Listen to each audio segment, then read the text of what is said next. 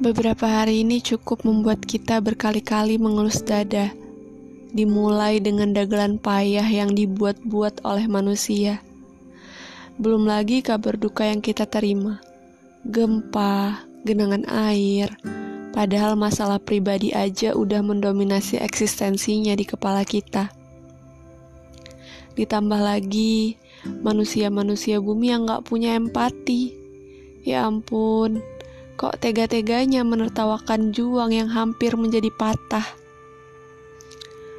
Um, saya pernah berikan motivasi kepada orang yang dibuat carut-marut oleh keadaan. Saya bilang, gak apa-apa, percaya deh, bahagia kita ada masanya. Tapi manusia-manusia minim empati ini membuat saya menarik satu depat tali motivasi yang sudah saya ulur jauh.